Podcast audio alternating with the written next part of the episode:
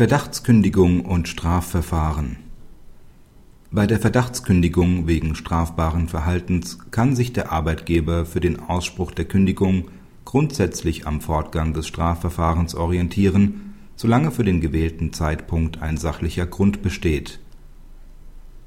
Nachdem der Arbeitgeber von einer Zeugin Hinweise auf exhibitionistisches Verhalten des Arbeitnehmers während der Dienstzeit erhalten hat, ertappt die Kriminalpolizei den Betroffenen am 14.10.2005 auf frischer Tat. Der Arbeitgeber suspendiert den Arbeitnehmer daraufhin am 14.11.2005 von der Arbeitspflicht.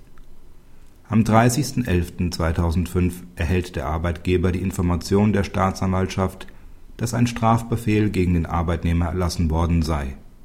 Hierauf spricht der Arbeitgeber am 8.12.2005 die fristlose Kündigung des Arbeitsverhältnisses aus.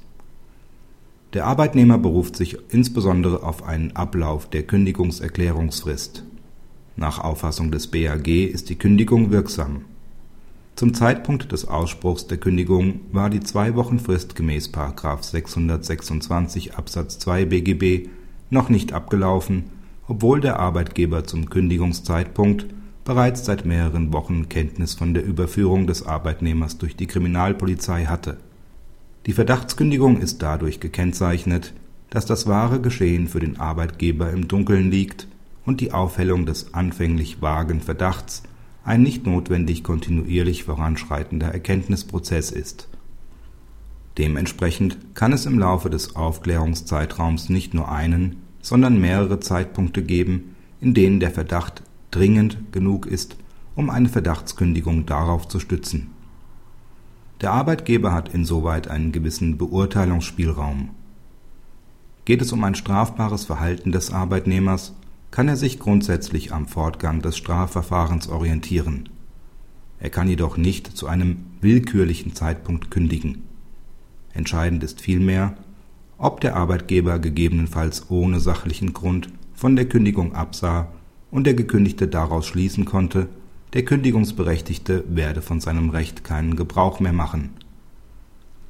Gerade bei einer Verdachtskündigung kann der Erhebung der öffentlichen Klage eine den ursprünglichen Verdacht intensivierende Wirkung zukommen, die den Ausspruch der Kündigung rechtfertigt.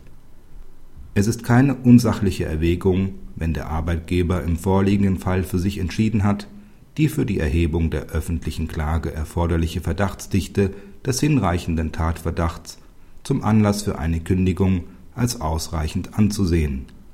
Die übrigen Voraussetzungen für eine wirksame fristlose Kündigung liegen vor.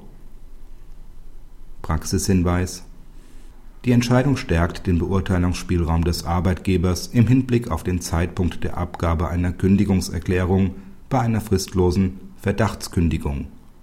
Zu beachten ist gleichwohl, dass sich der Kündigende nicht blind am Fortgang und den Ergebnissen eines laufenden Strafverfahrens orientieren darf. Das ist nur zulässig, wenn dem Arbeitgeber keine anderweitigen eigenen Ermittlungserkenntnisse zur Verfügung stehen.